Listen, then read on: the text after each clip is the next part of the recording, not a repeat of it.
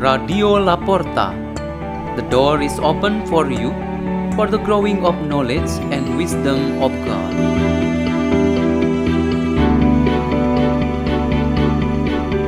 by Odiri Meggison from Lagos, Nigeria.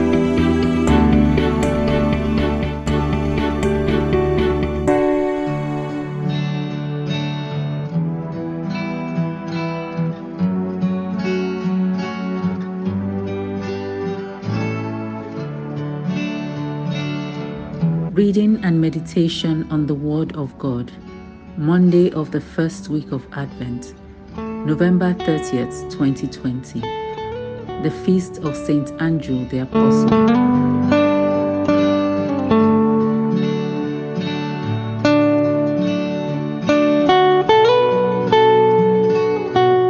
The Gospel of Jesus Christ according to Matthew. As Jesus was walking by the Sea of Galilee, he saw two brothers, Simon, who is called Peter, and his brother Andrew, casting a net into the sea. They were fishermen. He said to them, Come after me, and I will make you fishers of men. At once they left their nets and followed him. He walked along from there and so two other brothers, James, the son of Zebedee, and his brother John. They were in a boat with their father Zebedee, mending their nets. He called them, and immediately they left their boat and their father and followed him. The Gospel of the Lord.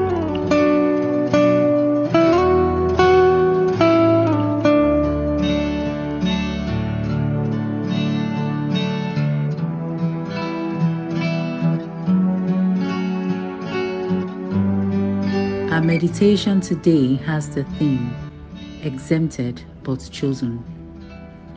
We all have experiences of being excluded or exempted. There was someone who might be treated that way, but in fact, he or she was very important and chosen. People love to see and count money in their wallets. They do not pay attention or ignore the coins kept in their bags. It is only when they want to pay for something with coins that they then realize that the coins are important. Many people walk behind the scenes. They don't appear, they don't show up, they don't even go here or there, but their roles are very important. Without them, work matters and the process of running a dynamic work will not go well. Saint Andrew, one of the 12 apostles of Jesus, whose feast day we celebrate today, is an example for us in this perspective.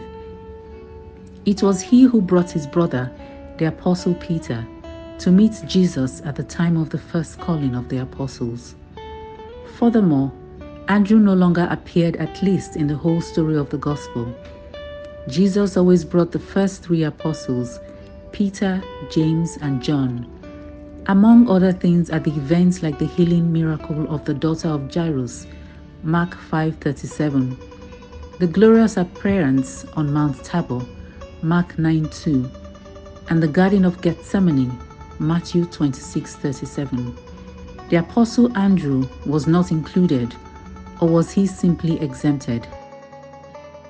Our experiences being exempted or not included are so numerous how does it feel to be the third out of two chosen? Or when in line, you are number four out of the three needed? Or you have tried your hardest but only get to number five of the four positions available? Our reaction in general for these experiences is anger, disappointment, hurt, and even revenge. However, the Apostle Andrew responded them with his faith which was to consistently follow Jesus to the end.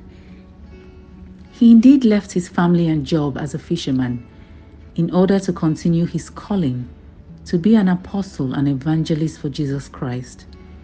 He responded to the experience of being exempted with love. He did not appear in public. He was not on a list of names in the calling of names, and certainly was not recognized but he really fulfilled the calling by going out to bring Jesus to everyone. If you are now in the moment of being uncounted, not remembered, not invited, ignored, share those experiences with Jesus Christ because from birth to his death, he experienced humiliation, abandonment, rejection, and to the very end, he was put to death. Respond to that experience with love, that is, with Christ in the sharing of love with others, even to those who make you sad and suffer. It will make you happy like Saint Andrew. Let us pray. In the name of the Father, and of the Son, and of the Holy Spirit. O merciful Father, make me a person who does not give up when ignored, but tries to share with Christ to forgive and continue to serve others. Our Father, who art in heaven, hallowed be thy name, thy kingdom come, thy will be done on earth as it is in heaven. Give us this day our daily bread, and forgive us our trespasses, as we forgive those who trespass against us. And lead us not into temptation, but deliver us from all evil. Amen. In the name of the Father, and of the Son, and of the Holy Spirit. Amen. Radio La Porta. The door is open for you.